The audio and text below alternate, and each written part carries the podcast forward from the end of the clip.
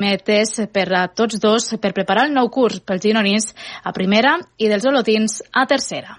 I això és tot. Fins aquí les notícies en xarxa.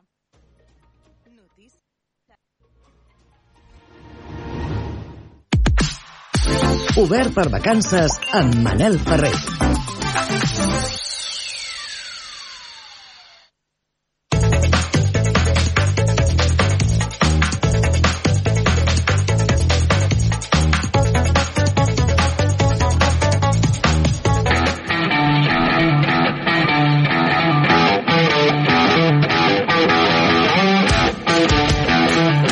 Seguretat de les platges és de vital importància a l'hora de gaudir de l'estiu i per això des de fa anys al Prat de Llobregat es desenvolupa una activitat perquè els nens i les nenes es conscienciïn de petits de la importància doncs, que té el respectar les normes de convivència del litoral. Es tracta de socorrista per un dia, una proposta de proactiva amb l'objectiu que els infants de 6 a 12 anys descobreixin la feina d'un socorrista. Avui repassarem alguns conceptes bàsics sobre aquest tema i perquè això passi, doncs sortim dels estudis i ho fem amb la nostra, vaja, jo diria ja socorrista particular des de les platges del Prat, la Rocío Santa Eufèmia. Què tal, com estàs, amiga?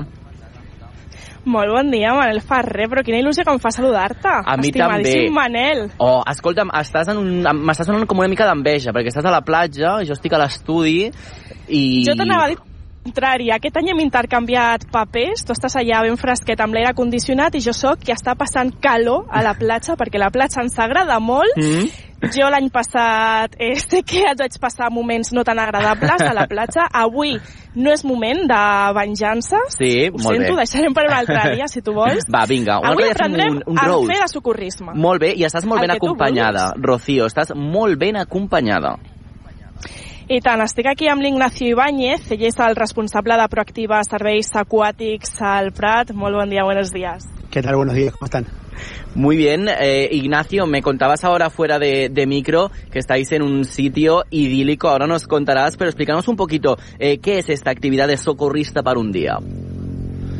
Bueno, es una actividad que venimos haciendo hace muchos años, tanto aquí en el Prat como en otros ayuntamientos, con la idea de poder concientizar y de incluir un poco a los niños y a las niñas en las dinámicas cotidianas y en los cuidados que refiere la profesión del socorrismo. Entonces, básicamente lo que buscamos con esto es desarrollar conciencia en los niños y en las niñas y brindarles también herramientas para poder disfrutar ellos y sus familias de días seguros en las playas. Precisamente, además, el trabajo del socorrista siempre es una profesión que llama muchísimo la atención a los más pequeños. ¿Qué es lo que más curiosidad les despierta? Bueno, creo que lo que más curiosidad despierta es preguntar qué hacer cuando ven una persona en peligro dentro del agua, porque siempre hay un interés, por lo menos de una parte grande de los niños y de las niñas, de ayudar, de, de poder socorrer a esa persona que está en peligro. Y bueno, uno de los principales aspectos que, señalamos es justamente que el ABC de, de cualquier socorrista es lo que conocemos como paz, proteger, avisar y socorrer, y que en ese camino entonces ningún niño o ninguna niña debería ingresar al agua a ayudar a una persona que, que esté en peligro claramente, sino que lo que corresponde en una playa donde haya vigilancia es buscar al socorrista o a la socorrista en búsqueda de ayuda y si no obviamente trucar al 112 y poder explicar un poco cuál es la situación este, y bueno, en ese camino creo que esas actividades que hacemos en el agua, con elementos de flotación, como la lata de rescate, como el floppy, bueno, también le llama la atención obviamente la moto de arena, la moto acuática, el kayak, son, son elementos de trabajo que, que llaman mucho la atención de los niños.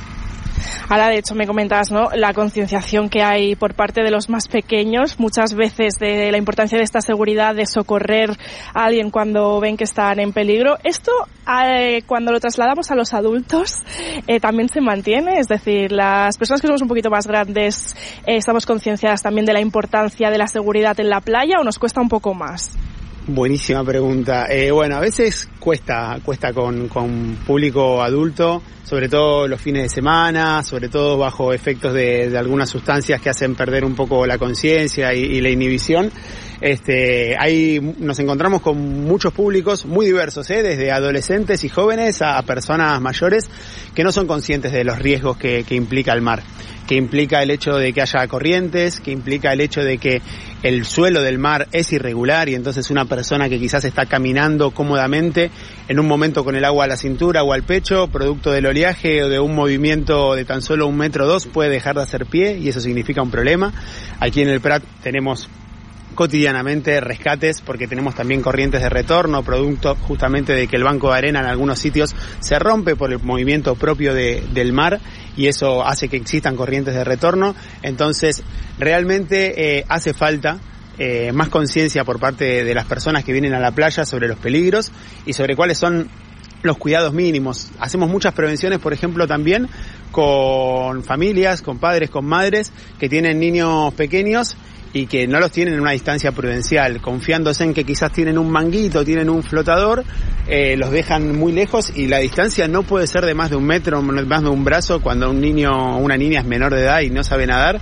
Y bueno, creo que esa es una de las mayores prevenciones que hacemos y por eso esta actividad este, es lúdica, es para divertirse, pero principalmente es educativa.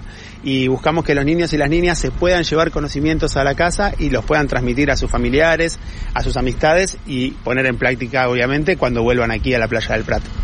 ¿Cuáles son los incidentes con los que más os encontráis día a día o las consultas de la gente? No sé si están las famosas medusas que también el otro día vimos por aquí, por el Prat, son algunas de las principales causas.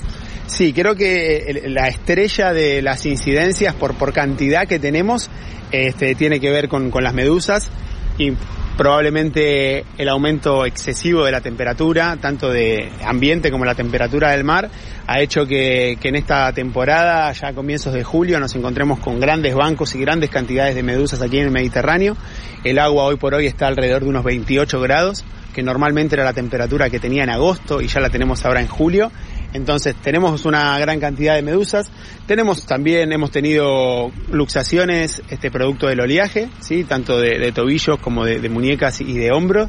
Hemos tenido también varios rescates acuáticos, algunos más difíciles, otros más más sencillos, pero que, han llegado incluso a, un, adulto a, perder la, conciencia dentro del agua justamente por estar peleando eh, contra la corriente, no poder conseguirlo y por aspirar y demás, que por suerte salió muy bien, este, gracias a una rápida intervención tanto del equipo de socorrismo como del servicio de emergencias médicas. Eh, tenemos una gran variedad de, asistencias aquí, el trabajo de, del socorrista, de la socorrista es, es, es muy variado, pero como le decía al comienzo a ti y a Manel, creo que, que la, la, prevención es la principal actividad que, que, hacemos y es la más importante porque es la que justamente evita que todas estas demás cuestiones que te estaba comentando en tampoco solo unas pocas semanas de trabajo aquí en el Prat esta temporada, bueno, poder prevenirlas justamente y que no sucedan. De hecho, antes te decía que vuestra profesión es, eh, llama muchísimo la atención para los más pequeños, pero no sé si incluso también es muy desconocida. Ahora me comentabas muchas otras cosas que hacéis los socorristas. No sé si tenéis esta sensación, ¿no? De que la ciudadanía no llegamos a entender o no llegamos a comprender realmente lo que implica ser socorrista y teniéndote aquí en directo con nosotros también quería aprovechar para preguntarte eso, ¿no? Tú como socorrista me comentabas, llevas muchos años dedicándote a esto, es una de tus pasiones, continúas haciéndolo cada verano, ¿qué destacarías eh, de este trabajo que quieras también eh, dar a conocer a, todo el mundo que nos está escuchando? Bueno, buenísimo, gracias por el espacio. La verdad que, que a veces sentimos eso, ¿no? Sentimos que hay una porción de la sociedad que piensa que el socorrista o la socorrista es una persona que, que está tomando el sol y que está como disfrutando de la playa como tantísimas otras personas hacen cuando están de vacaciones justamente. Pero yo creo que, que el socorrismo es una profesión este, de suma importancia, en primer lugar, porque somos la primera línea sanitaria a la hora de una emergencia en lugares con tantos peligros diversos como es la playa, ¿sí? Porque hay peligros que tienen que ver con la exposición al sol, hay peligros que tienen que ver con el intenso calor que hace, hay peligros que tienen que ver con la fauna marina y principalmente hay peligros que tienen que ver con que en el medio acuático el ser humano no respira y entonces producto de las corrientes del oleaje siempre surgen emergencias y nosotros y nosotras somos personas que hemos estudiado, que nos hemos formado, que nos actualizamos, que tenemos una gran cantidad de titulaciones que acreditar a la hora de, trabajar y, que principalmente lo hacemos con mucho compromiso, con mucha pasión y con mucha responsabilidad. Y bueno, por eso es muy buena tu pregunta y aprovecho para, mencionar que, que, como colectivo a nivel sectorial en, Cataluña estamos organizándonos y estamos pidiendo que la Generalitat reconozca la profesión regulando los servicios de socorrismo en Cataluña que hoy por hoy no están regulados y por eso cada ayuntamiento brinda el servicio que se le ocurre o que le parece mejor y hay muchas desigualdades y creemos que ese camino de poder tener una ley que regule el socorrismo en, la, en, Cataluña y un convenio propio del sector de socorrismo en playas serían dos reconocimientos formales, legales, que ayudarían mucho también a seguir en este camino de profesionalización que creemos que en los últimos años venimos trabajando eh, y consiguiendo en, en las playas catalanas. Pues queda dicho, Ignacio. Eh, volviendo un poquito al tema de la prevención, de las sanciones, quería preguntarte, no sé si el incumplimiento de las normas eh, de la playa puede implicar alguna sanción. El hecho, por ejemplo, de bañarnos con bandera roja. Bueno, sí, sí, eh, ta, existe toda una normativa que tiene que ver justamente con que no se puede ingresar al agua cuando hay bandera roja, normativas más sencillas pero que también importantes, como por ejemplo en la mayoría de las playas catalanas no está permitida la presencia de, perros en las playas. Y siempre que hay alguna de estas normativas que no se están cumpliendo por parte de los usuarios y nosotros y nosotras nos acercamos, explicamos los fundamentos, informamos lo que sucede y sigue habiendo una negativa, tanto en bandera roja como con perros en playas o prender fuegos, por ejemplo, bueno, siempre contamos con la colaboración de la policía local, en este caso la policía local de, del Prat, le informamos lo que está sucediendo y bueno, ellos se, se acercan y en función de lo que esté sucediendo aplican sanciones o no. Nosotros como socorristas no estamos habilitados a eso, pero sí que la policía local lo hace.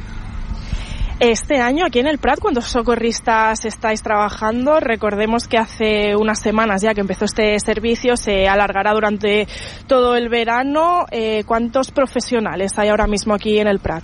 Bien, bueno, este año, por suerte, este, conforme a estos pedidos este, que venimos haciendo para mejorar la calidad del servicio eh, diaria, eh, año tras año, hemos conseguido contar con cobertura en los fines de semana de mayo, lo cual fue importante porque hizo mucho calor y vino mucha gente a la playa y luego ya sí que a partir de, del 4 de, de junio comenzamos el servicio y estará extendido hasta el 11 de septiembre, hasta la diada. Y somos en total 13 socorristas trabajando aquí en las playas del Prat. Así que, que bueno, contentos con un lindo equipo que como te decía, entrenamos por las mañanas, nos formamos, nos capacitamos y buscamos siempre mejorar día a día porque nos gusta la profesión, porque estamos convencidos de, lo que hacemos y porque lo, lo elegimos diariamente.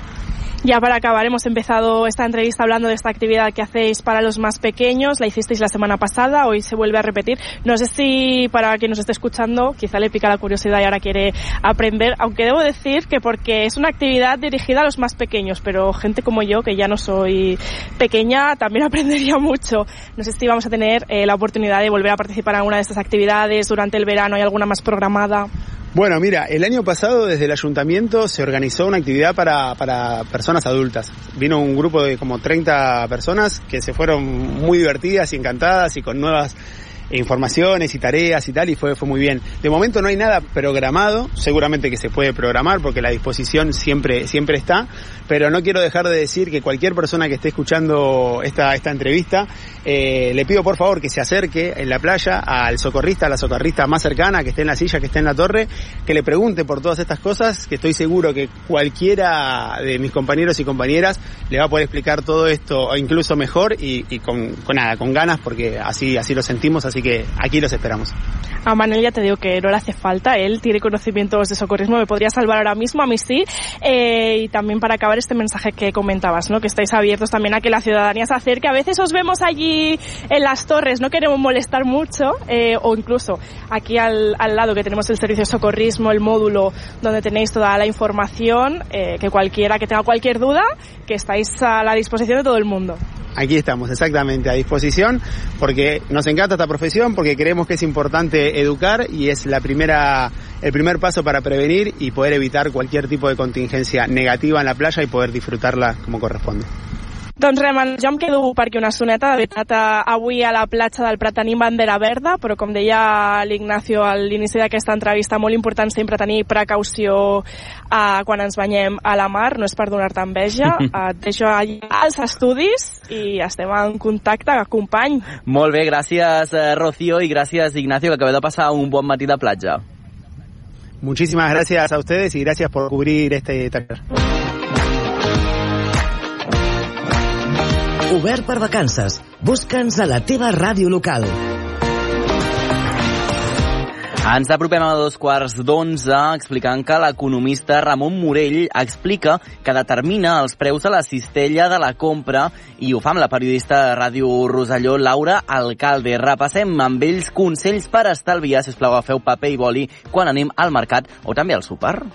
Un bon dia al supermercat. M'he enamorat al supermercat, puja la calor, la secció del... Ei, ei, ei, no, no, no, Dami. Això està molt bé, lo d'enamorar-se al supermercat. Però em sembla que les converses que es mantenen al supermercat són unes altres. ¿Quieres bolsa? No, no cal. ¿Tarjeta cliente? No, tampoc, no en tinc. Vale. Serán 5,34. Vale, perfecte, en targeta. ¿Puc ya? Sí, ya puedes.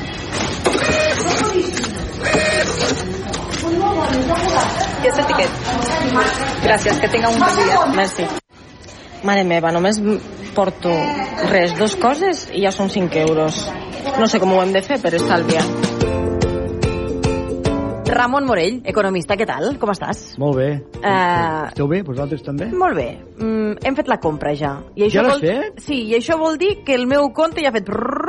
ha baixat un, Ha baixat. un pèl. Un pèl. Perquè cada vegada més notem que cada vegada que fem la compra la cosa va en augment. Els preus Va en van en augment. sí. És així. El primer que hem de dir és que a vegades els economistes, no, quan parlem, o les notícies d'economia als diaris, o a la mateixa ràdio, no, diuen els preus baixen. No, no pugen tant.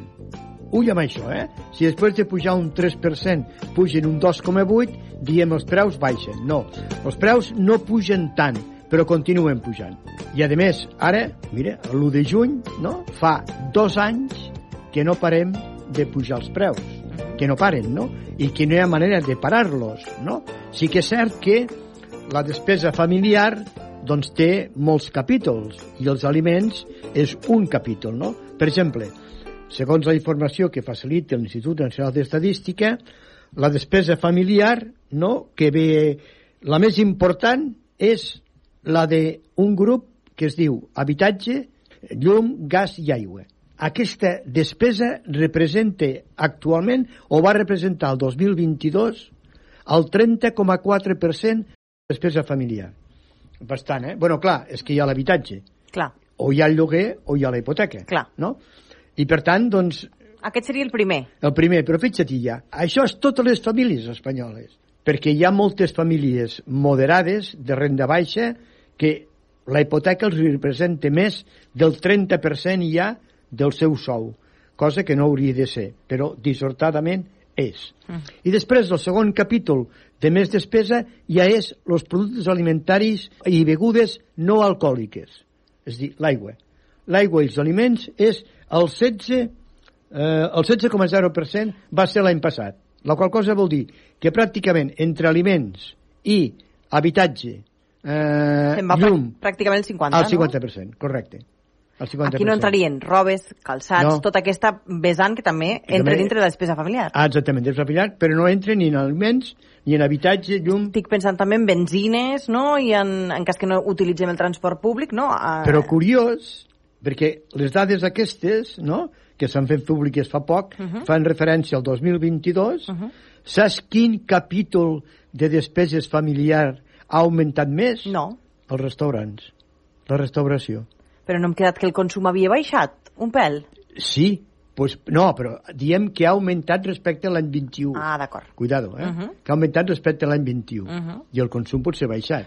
O sigui que els restaurants ha augmentat. Sí. Bueno, suposo que és la postpandèmia, no? Aquest, Aquestes aquestes ganes. ganes de sortir de casa, no? De tant temps amagat. Ta. Però torno a repetir, cuidado amb aquestes dades perquè són mitjanes eh? de tots els espanyols i tots els espanyols de moment no som ni molt menys iguals, no? Per tant, aquestes despeses familiars, i tu has començat molt bé, depenen dels preus. Depenen dels preus, però fixa't, una família amb poca renda, amb ingressos moderats o baixos, l'últim que farà és deixar de comprar aliments, perquè ha de menjar. Per tant, doncs, si pugen els preus, pràcticament tots els seus ingressos se destinaran o, o, o bueno, en lloc de ser el 16, potser per a aquestes famílies és el 25. A més, estic pensant que cada cistella de la compra és mm, molt diversa, perquè no és el mateix el que compra una família de eh, parella amb tres fills, eh, o, o monomarental, o monoparental, o una persona sola, o una persona gran jubilada, eh, vídua o no. Vull dir No que les el cistelles mateix. de la compra són diferents. Són diferents. Però hi ha una manera de fer una cistella de la compra efectiva? És a dir, en termes de gastar el que necessites una mica, Ramon? Primera, els preus sí que han baixat una mica el seu creixement. Eh? Per exemple, l'any passat la inflació va ser del 5,7%, si no em falla la memòria, Uh -huh. l'any passat una inflació del 5,7%. I, eh, I aquest any estem ara amb un 1 i pico, bueno, portem poc, però el que està baixant bastant és la inflació que en diuen subjacent. És a dir, és la que no inclou els productes alimentaris. Ah, Però, però els productes alimentaris en fresc, un altre matís. però un altre matís. Però la inflació subjacent sí que compta l'oli, sí que compta l'arròs, sí que compta les genties, els cigrons, les mongetes, no granel, eh? Amb llauna. Amb llauna. Uh -huh. Sí que compta el xocolate. És a dir, el que no compta és l'aliment en fresc. I aquesta inflació subjacent ara està al 5,9%. L'última l'últim dato, estem al juliol, el mes de juny estàvem al 5,9%. Eh? Per tant, ha, ha baixat ja per sota el 6. El que no sabem és què passarà a l'estiu amb la demanda dels turistes, no? que vindran, que sembla ser que aquest any el turisme serà molt bo i això normalment provocarà una pressió també als preus uh -huh. i tornarà a pujar. I també hem de dir que si aquesta inflació subjacent, que ara està al 5,9, baixa al 5,5, desapareixerà l'exenció i bonificació de l'IVA. Què vol dir això? No paguem IVA dels aliments fins al 31 de desembre. D'acord. Ho han prorrogat, uh Mhm. ¿vale? O sigui, eh, l'IVA del pa, l'IVA de les llegums, l'IVA de les hortalisses, l'IVA de la fruita, aquests no paguen IVA fins al 31 de desembre. Desembre. I la llet, els ous derivats paguen el 5%, Mhm. els iogurts. La carn i el peix no, la carn i el peix continuen pagant el 10%. Doncs bé, si aquesta inflació subjacent, que ara és del 5,9%, baixa al 5,5%, se trau l'exenció de l'IVA. I, per tant, pujaran els preus finals.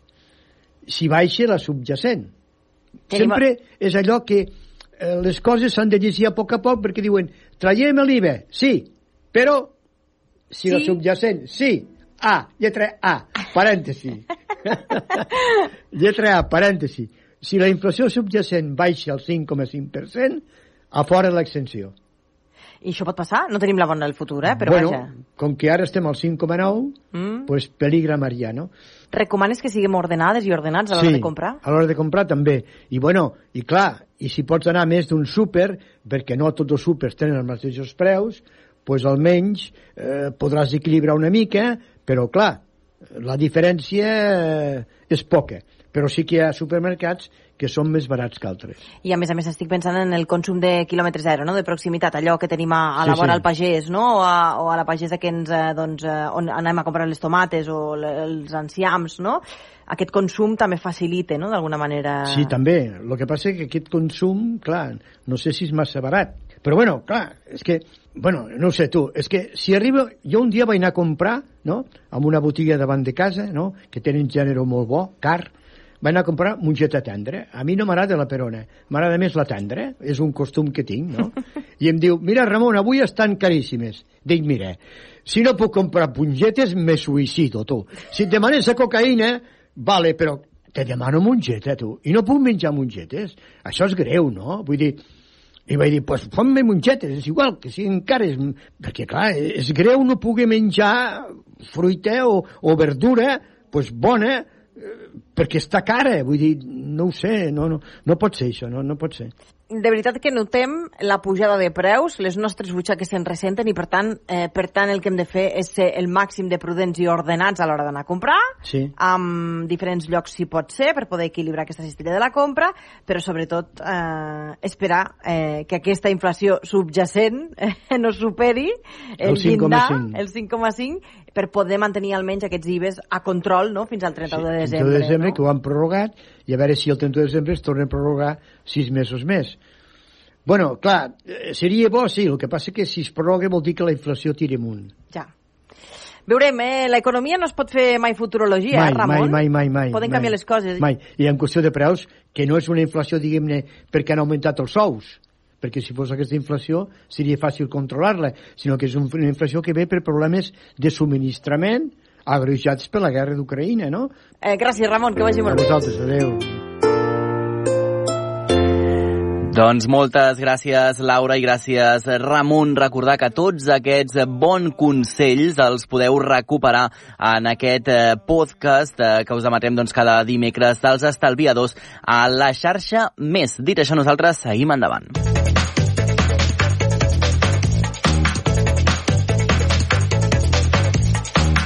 I ara sí, quan falta un minut per arribar a dos quarts d'onze, tornem cap a Osona, on tenim el nostre company Eudal Puig, que avui ens ha comentat que ens parlarà, atenció, de bèsties medievals. Eudal, què ens portes avui? Hola, molt bon dia. De bèsties medievals, això és el que fem avui, perquè de... Doncs... Eh, doncs... A dir que el Museu Episcop Sembla que tenim problemes eh, per escoltar el nostre company Eudal Puig, a veure si eh, el podem eh, recuperar, a veure si pot canviar d'emplaçament o d'ubicació. Si us sembla, el que podem fer nosaltres és eh, donar pas al següent eh, podcast que tenim mentre intentem que l'Eudal es mogui també doncs, per la geografia, a veure si trobem un eh, punt en el qual ens escoltem eh, millor mentre arribem a dos quarts d'onze del matí. El que podem fer és encetar un altre dels nostres podcasts eh, habitual dels dimecres al Collita Pròpia.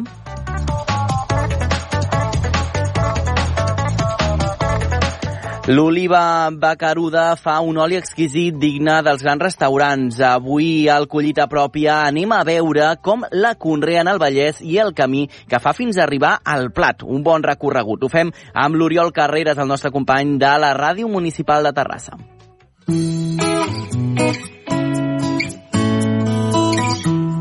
Collita pròpia.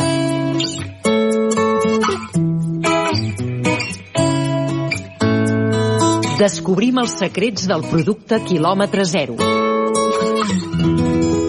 Nom. Bacarut. Nom científic. No en té. Indret on es conrea. A Ullastrell. Vallès Occidental. Temporada. Tot l'any.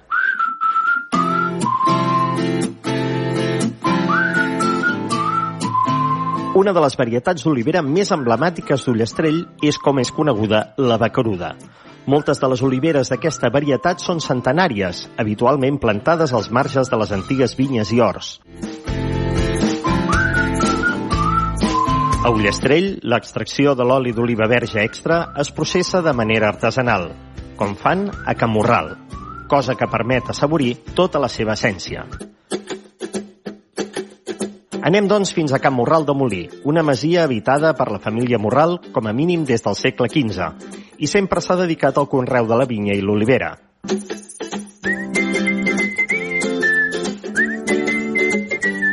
Saludem a Xavier Morral i Maria Font, propietaris d'aquesta masia, i que ens ajudaran a conèixer més les oliveres de la varietat bacaruda, i sobretot l'oli que ells comercialitzen, sota el nom de l'oblit. Ja m'expliquem l'origen de l'oliva bacaruda, perquè tothom en parla com, com si fos or, i, i de fet, eh, com n'és, quin és el seu origen de l'oliva bacaruda? Ui, això és una llarga història, a veure si t'ho puc resumir en quatre paraules. Mira, això tot va venir d'arrel doncs, de que, bueno, d'entrada que Camp Morral de Molí i Ullastrell doncs, disposem d'aquesta varietat, que és la, que és la bacaruda, d'acord? Uh, és una varietat doncs, de, de tota la vida. Et diré que, doncs, que tenim oliveres aquí de 200 i 300 anys, catalogades. No solament aquí a Ullastrell, sinó que seria les comarques del, del Vallès Occidental, del Baix Llobregat i l'Alt Penedès. Això és el que uh, l'IRTA doncs, ens té com a l'única varietat existent, per, puc dir-te, potser tot el món. Fins al moment tenim aquests coneixements.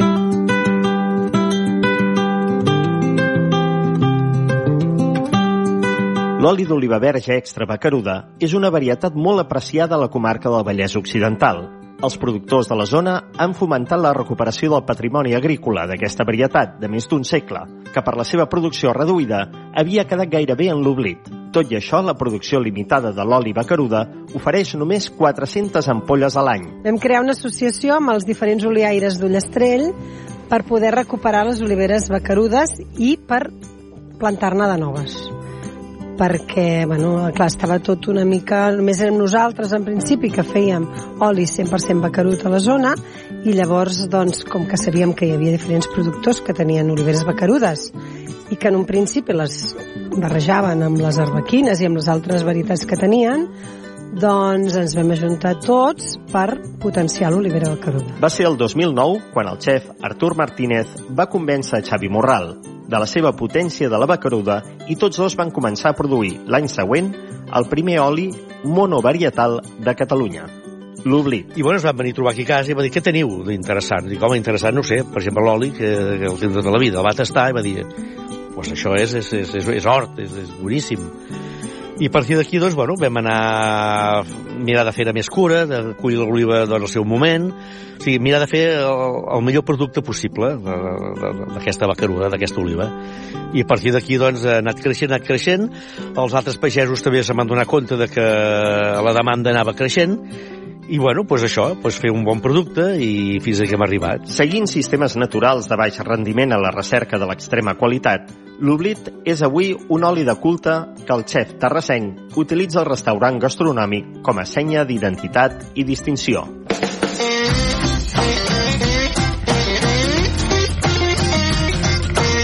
Ens desplacem al restaurant Aurt, del xef Artur Martínez, al Hilton Diagonal Mar, Barcelona. Quan el presentes, aquest oli, què et diuen? Eh, és, és una cosa meravellosa. Jo, mira, nosaltres comencem a l'experiència gastronòmic, a gastronòmica amb un acte preciós que queda com, és com subliminal, la gent no, no se n'adona perquè no, no podem explicar-ho tot, que és, nosaltres expliquem l'oli, eh, d'on ve, qui el fa, a quina producció, perquè la producció és limitada, eh, i servim aquest oli amb pa, amb un pa meravellós, que ens fa l'Osvaldo, i amb una copeta de vi. Uh, I la gent inicia d'aquesta forma l'experiència gastronòmica per la, per la meva cuina, no? per, per el meu pet, petit univers gastronòmic. Artur Martínez va decidir tancar el restaurant Capritx de Terrassa el 2017 amb estrella Michelin.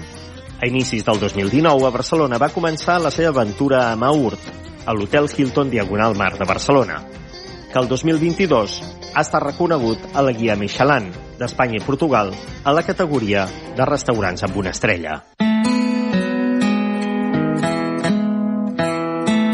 Digue'm un plat que ja per enllestir, eh? que de creació dels teus, que el, protagonista sigui l'oli. Mira, hi han diferents. Eh? Sigui, l'oli com a protagonista és, és un solista dintre d'un plat, i amb això que et dic, que nosaltres el servim tal qual, però, per exemple, hi ha un, un prepostre que quan és temporada de, de ruca, de rúcula, fem un sorbet eh, pur eh, amb, de rúcula, o sigui, amb, amb tocs picants i d'allò, amb una mica de sal i oliva carut per sobre. I això és un prepostre.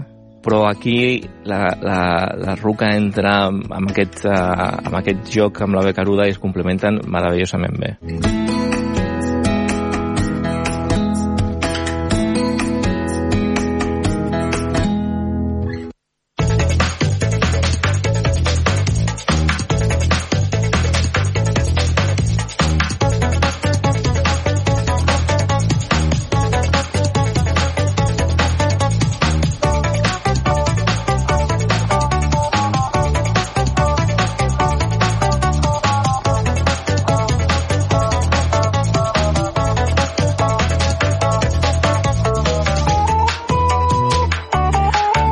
11, mentre ens apropem a quarts d'11 del matí, anem a intentar connectar de nou, a veure si podem recuperar el nostre company Eudal Puig eh, des d'Osona. Eudal, com estàs?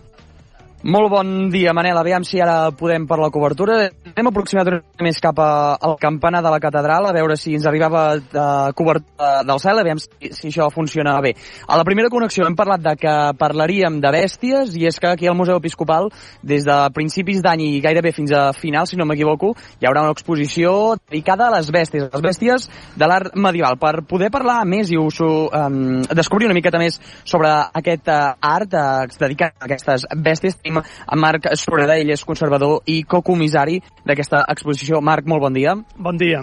Escolta, com surt la idea d'organitzar una exposició centrada en bèsties i concretament bèsties de l'arma Bé, en principi de constant tenim moltes de bèsties en les nostres noves art medieval i en l'art medieval en general. I com el Museu Episcopal fa relats sobre el món medieval i doncs, Doncs, eh, tenim, eh, tenim eh, serios problemes eh, per escoltar a l'Eudald i el nostre convidat eh, per fer aquesta connexió. Sembla que avui la, la cobertura no ens acompanya. El que podem fer en tot cas doncs, és eh, anar cap a la nostra agenda per seguir endavant amb l'Uber per vacances avui.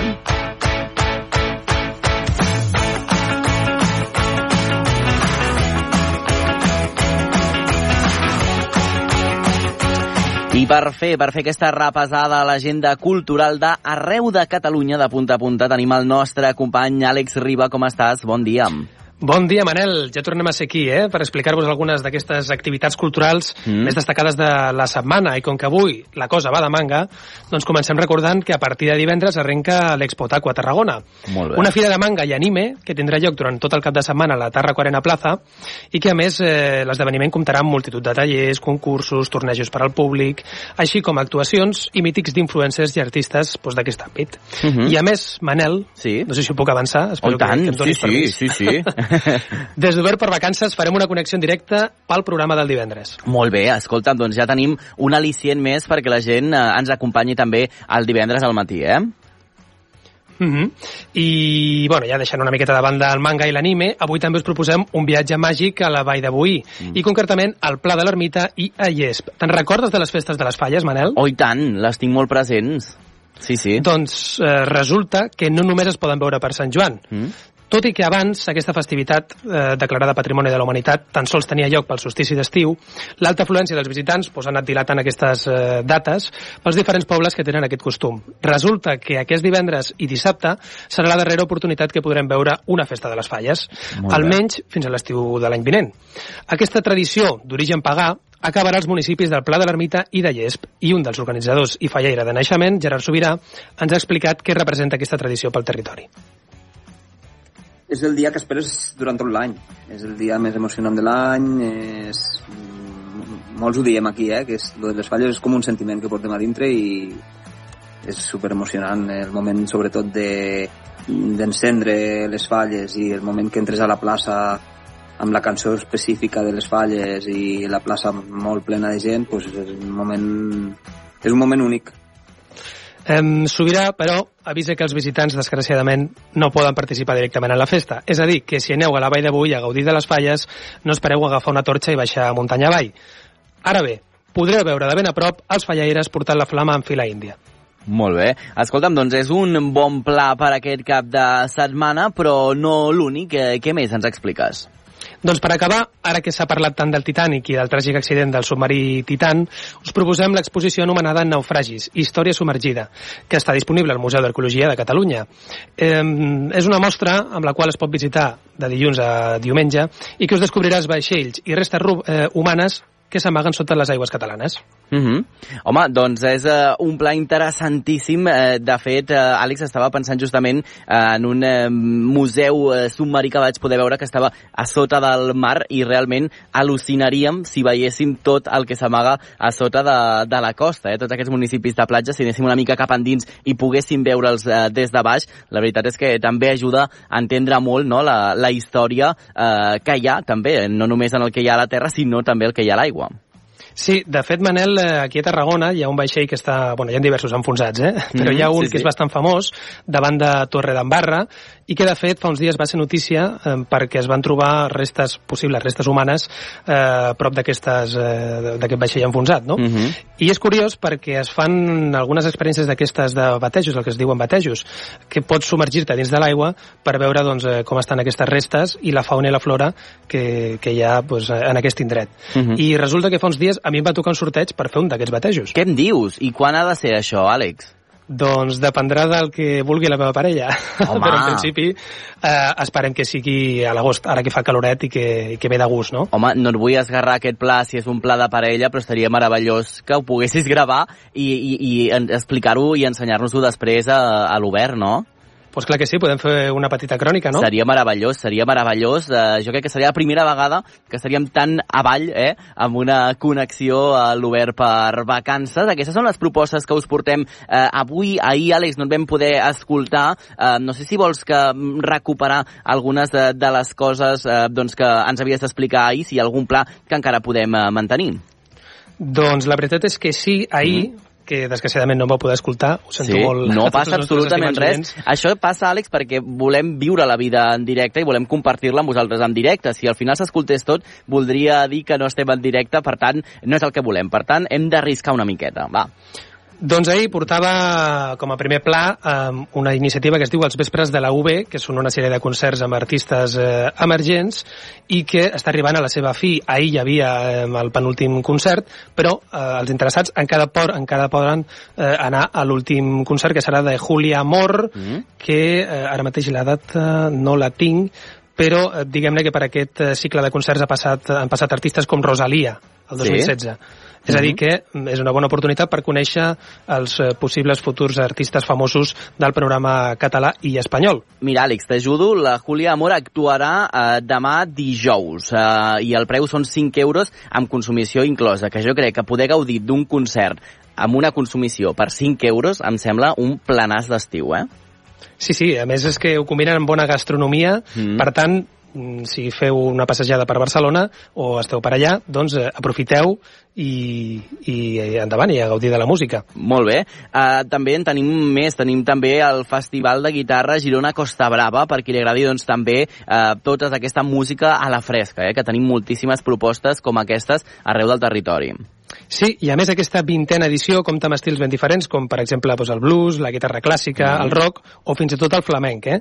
Eh, el principal impulsor del cicle, Josep Manzano, ens deia ahir que era molt important donar visibilitat a artistes que no són tan coneguts. De fet, ens deia que eh, aquests artistes que no estan dins del panorama eh, internacional sovint ho passen molt malament perquè els festivals que sí que tenen artistes d'aquesta índole doncs eh, ocupen tot el, seu, tot el protagonisme no? de, de l'estiu mm -hmm. i es deixen en un segon pla. Per tant, doncs, eh, aquest tipus de, de festivals us descobreixen una altra cara doncs, Mhm. de, de la música clàssica. De fet, Àlex, si us interessa, doncs aquest festival Guitarra Girona Costa Brava tindrà lloc avui mateix, a partir d'aquesta tarda, i també demà dijous, eh, de la mà del trio Lluc Maduell i del duet Helena i Josep, i doncs si us interessa, ja ho veieu, també tenim eh, aquesta proposta a Girona, comarques gironines, també doncs si us hi voleu eh, apropar, és a dir que tenim coses com molt diverses, eh, Àlex, arreu de, del territori, per tant no hi ha excusa per no gaudir de la cultura eh, a tot arreu, vaja. Sí, sí. I Manel, què em dius de Diego El Cigala? Home, jo crec que és un d'aquests mítics, eh, i que és una d'aquestes eh, persones eh, de la cultura, de la música, que hem de preservar i cuidar també, lògicament, clar, com a part del patrimoni. Doncs mira, ahir va estar actuant al Palau de Pedralbes en les nits eh, màgiques mm. i doncs, va presentar el seu primer disc eh, anomenat eh, Làgrimes, és a dir, no és que el presentés, eh, vull dir, perquè m'entengueu, sí. diguem-ne que va fer com un Remember. molt bé, molt bé. Home, aquest Remembers, eh, bueno, aquí potser ara estic obrint un meló, Àlex, però hi ha vegades que les, les cançons reversionades eh, acaben sent molt millors que les primeres versions d'aquestes cançons. No sempre, però a vegades passa, eh? Jo tinc cançons que m'agraden més les seves versions eh, que s'han fet eh, després que no les originals. No sé si has pogut escoltar Les Babies d'Aitana. No, bueno, aquí no sé, Àlex, si seria un dels exemples dels que estaria gaire d'acord. T'haig de dir que sí que és una cançó uh, alegre, animada, que ballem tots. Uh, segur, no sé si t'agrada ballar a tu, Àlex, o no. Jo m'agrada ballar però en la intimitat, saps? Allò que, que tampoc no pugui fer massa el ridícul. D'acord, d'acord, però a casa sí, eh, quan ningú et veu. Sí, per fer esport és genial, ballar. Ballar és vida. Exacte, no, no, és veritat que Aitana té aquesta virtut eh, d'adaptar totes les cançons a fer-les doncs, cançons de disco i, i de ball i perquè la gent doncs, eh, s'ho passi bé, però mira, també és una manera que la gent conegui també artistes no? i temes eh, potser una mica més antics, apropar-los també a les noves generacions. Correcte, jo per exemple tinc 22 anyets, mm. però m'agrada, sóc molt fan de la música dels 80 i dels 90, eh? Mm -hmm. Doncs mira, uh, també una manera de, de tenir-les i que ens ajuda també uh, doncs, a parlar també doncs, d'aquesta cultura musical del nostre país amb cançons. Parlàvem al principi del programa de la Taylor Swift, jo diria que Aitana, salvant les distàncies també, doncs és un d'aquests uh, màxims exponents que tenim de la música pop espanyola en aquests moments. Correcte, correcte. Aitana, bueno, és una bona artista, a més que va sortir d'OT, Mhm. si no m'equivoco. Sí, sí, sí. I que també pues, eh, té una part salsera, perquè salsera no de música, sinó de salseo. Totalment, Del sí, sí, i de fet jo crec que és una, una de les grans lluites eh, que té Aitana, eh, que d'alguna manera eh, la gent eh, tingui interès per la seva feina i no tant per la seva vida privada, però vaja, et sembla que també interessa moltíssim tot allò que fa l'Aitana a la seva, a la seva intimitat, eh? La gent és una morbosa. Totalment, totalment. Escolta'm, jo t'haig de dir, no sé fins a quin punt, a mi també m'agrada, a veure, no ficar-me fins al fons, però mm, cosetes concretes, escolta'm, m'agrada saber-les també, què et sembla? Jo soc periodista, sí? per tant, m'agrada també. Ah, molt bé. Mira, l'excusa aquesta m'agrada. Com soc periodista, si no ho fos, però com a soc periodista sí que m'interessa. Bé, doncs, Àlex, tenim un munt de propostes per avui, també ja enfocades cap al cap de setmana. Si et sembla, demà en seguim coneixent unes quantes més, d'acord? Perfecte, Manel, moltíssimes gràcies. Gràcies a tu, fins ara. Obert per vacances. A la platja, a la muntanya, a la teva ràdio local i també a la xarxa més.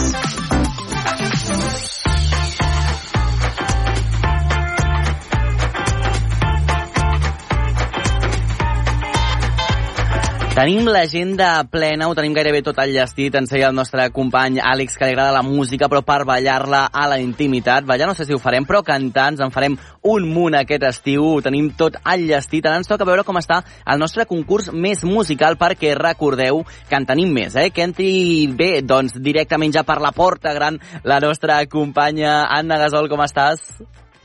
Molt bones, hola Manel, com estàs tu també? Molt bé, molt bé, doncs eh, seguim amb aquesta ajuda que ens estan oferint els nostres oients eh, cada matí per trobar la cançó de, de l'estiu, eh?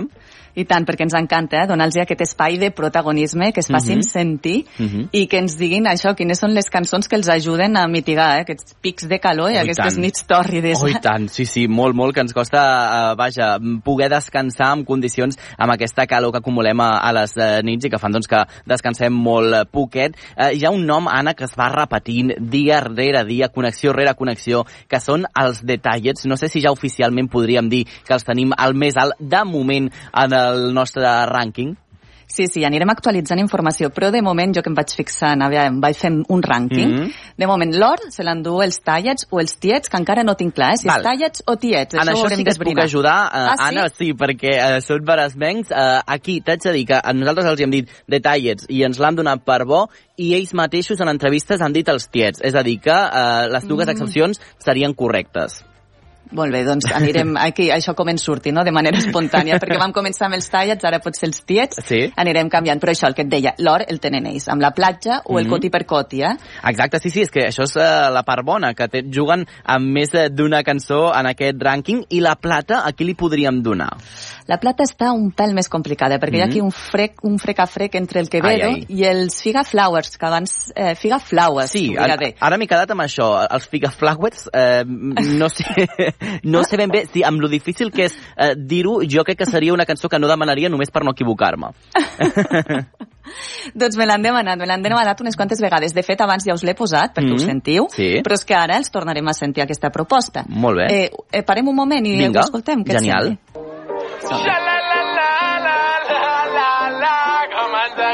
xalar. La cleca camina pel barri i sap el que és bo. Camina tranquil·la, sap per què vacila, no té por. Pensant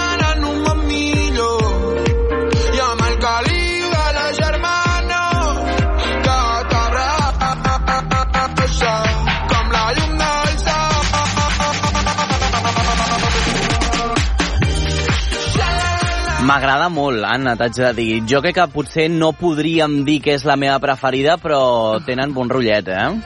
Doncs mira, jo te l'havia escollit aquesta perquè l'escoltéssim en aquest espai, Mm. però perquè la, la, la proposta, la Mariona de Sant Feliu de Llobregat, Sí. és que m'ha convençut, ja veureu que l'escoltem. Molt el bé. motiu que ens dona. A veure. Hola, sóc la Mariana de Sant Feliu de Llobregat i la meva cançó d'estiu és Xalalala de Fica Flowers i Lluís Gavaldà, ja que és la cançó que als ne- a campaments els meus monitors ens ficaven per despertar-nos i a l'escoltar-la em recorda tots els bons moments que hem passat. Gràcies. Hola, sóc l'Alba de Sant Andreu de Llavaneres i per mi la cançó de l'estiu és La platja dels tallets amb Stay Homes perquè em porta molt bones vibes. Hola, sóc l'Andrea de Manresa i per mi la cançó de l'estiu és la de Batllal, El sol me da. És impossible no ballar amb aquesta cançó. O records de campaments i de colònies, Anna. Tu entens? A mi també em passava això, eh? Recordo els, els monitors i les monitores que sempre ens, ens venien a despertar amb la mateixa cançó. Totalment. No el xalala... Quina era, la Però- recordes o no? Mira, recordo una que em va quedar gravada perquè Ah. vaig descobrir així el grup, fixa't que estic desactualitzada, Sí, sí. eh? però eren els, els Dire Straits amb el The Walk of Life, em sembla que es Ah, diu. molt bé, molt bé. Jo recordo molt, eh, que en això també anem a poc a poc desmuntant la nostra edat, eh, Bon dia dels pets, però era una cosa com tremendíssima i crec que amb el pas del temps l'he deixat com d'escoltar perquè l'associava justament a aquest estrès de llevar-me, esmorzar, recollir el sac, guardar la màrfaga, deixar-me coses que jo em deixava Anna, coses, però vaja, és a dir, jo crec que la meva mare té el telèfon de totes les cases de colònies de Catalunya per reclamar després el sac, la carbanyola, el lot, és a dir, tot ho havia perdut en les meves, en les meves vacances. Escolta'm, Anna, si vols, eh, estem parlant de la cançó de l'estiu, vols que fem una repassada de tots els concursos que tenim ara mateix en marxa? I tant. Anem a repassar-los perquè en tenim uns quants. És que jo crec que aquest telèfon em traurà fum. Sí, sí, el recordem una vegada més perquè així doncs podeu escollir també el concurs que voleu participar. És el 628 841 055, 628 841 055, és el nostre WhatsApp i allà ens podeu enviar les vostres eh, notes de veu. Tenim per una banda, Anna, la cançó de l'estiu, que ho hem explicat. Com funciona Mhm. això?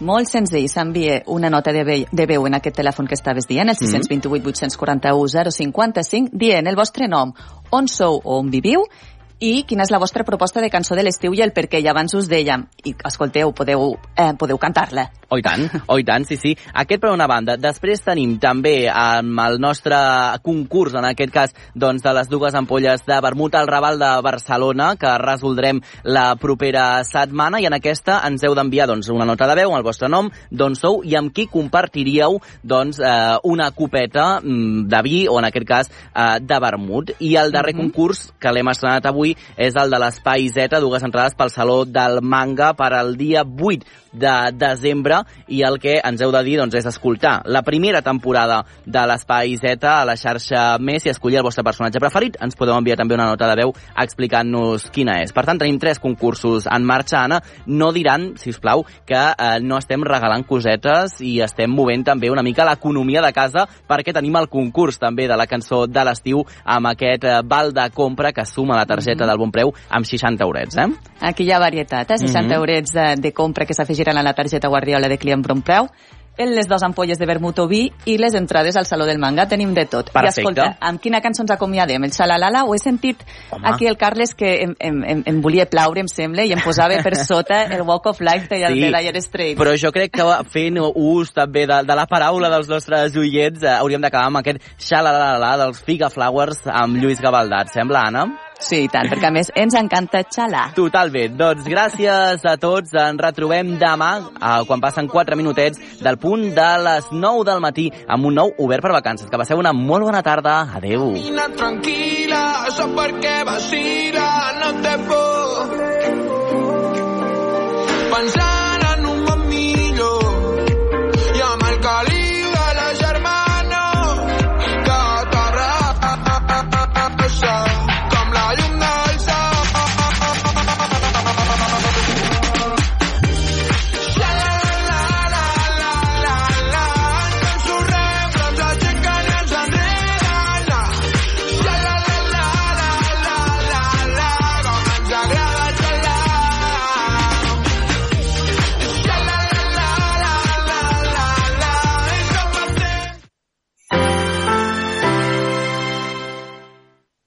La xarxa de comunicació local.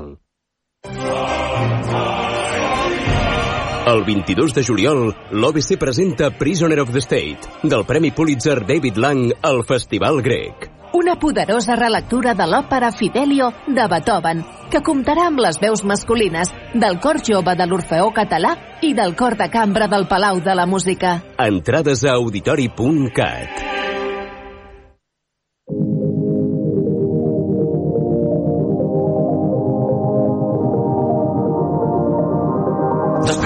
m'agrada que hem intercanviat. I de matinada que ens fem d'amagat de veure els dos la lluna cadascú al seu terrat. Veiem-nos ja d'una en el món de veritat.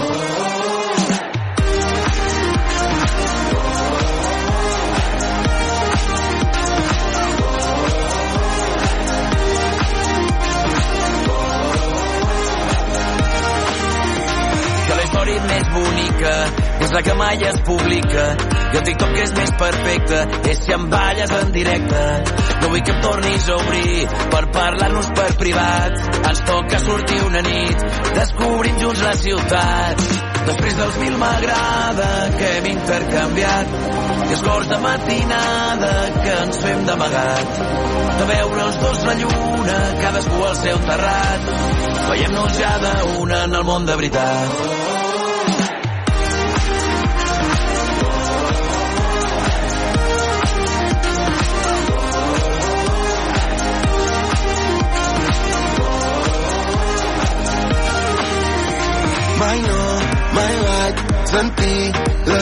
coses com les tinc.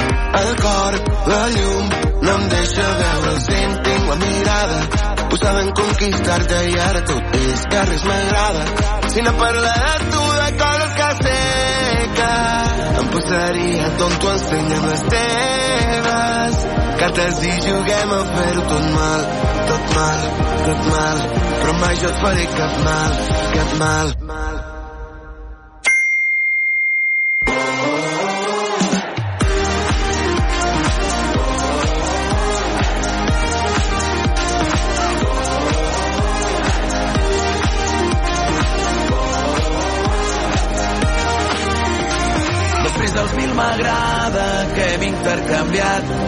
Cors de matinada que ens fem d'amagat. De veure els dos la lluna cadascú al seu terrat. Veiem-nos ja d'una en el món de veritat.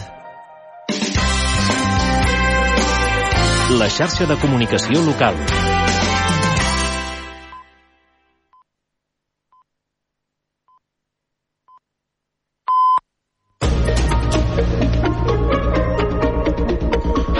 Notícies en xarxa.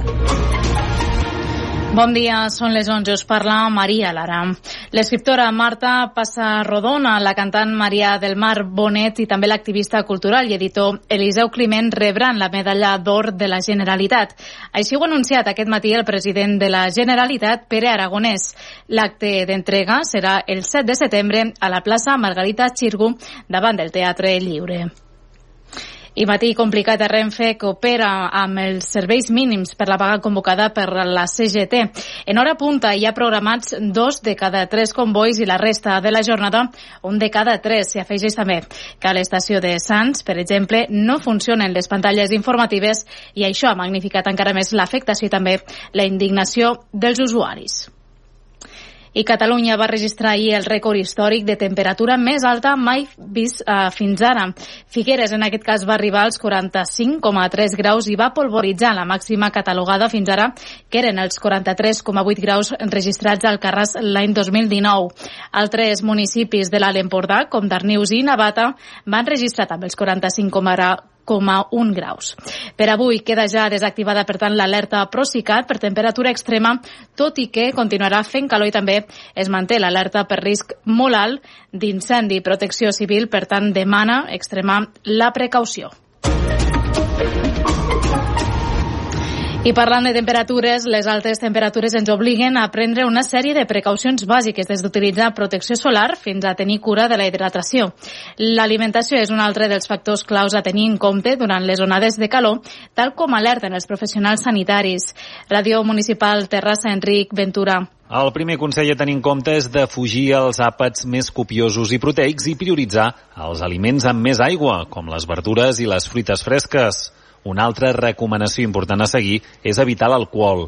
Encara que una cervesa fresca sembli un remei ideal contra la xafogó, és